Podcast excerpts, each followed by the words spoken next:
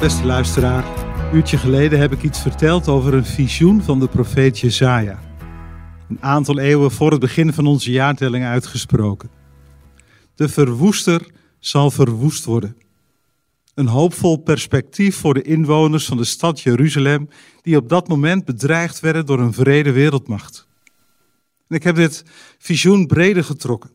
Een waarschuwing aan het adres van dictators, extremisten en terroristen die geen waarde hechten aan de heiligheid van het menselijk leven. God neemt het niet.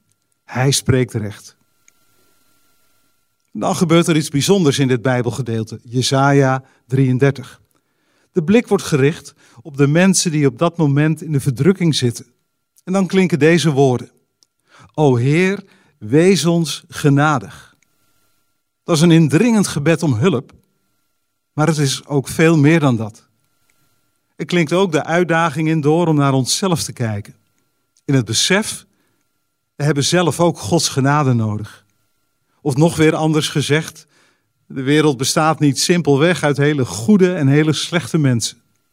De realiteit is meestal veel minder zwart-wit dan we zouden willen. Het is altijd een van de kenmerken van het christelijk geloof geweest om eerlijk te beleiden dat het kwaad in ieders leven aanwezig is. Zijn we niet allemaal gevoelig voor macht? Zijn we niet allemaal geneigd om ons ego op te blazen? Zijn we niet allemaal gefocust op ons eigen belang?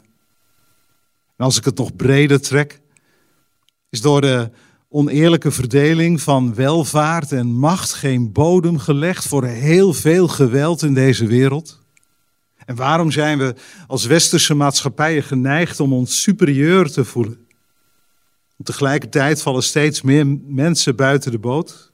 En onze eigen vrijheid kan zo hoog in het vaandel staan dat we niets meer voor een ander over hebben. Zomaar wat vragen.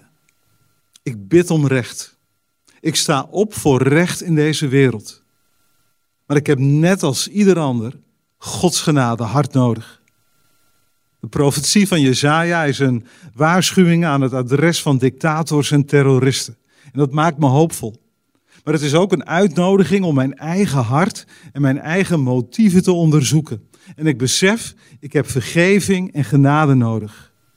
En er is geen ruimte voor haat en wraak. Nou ja, zo ergens wil ik deze dag ingaan.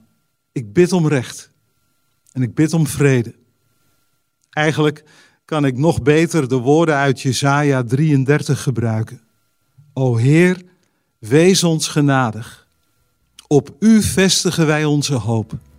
Wees ons tot steun, iedere dag opnieuw. Red ons in tijden van nood.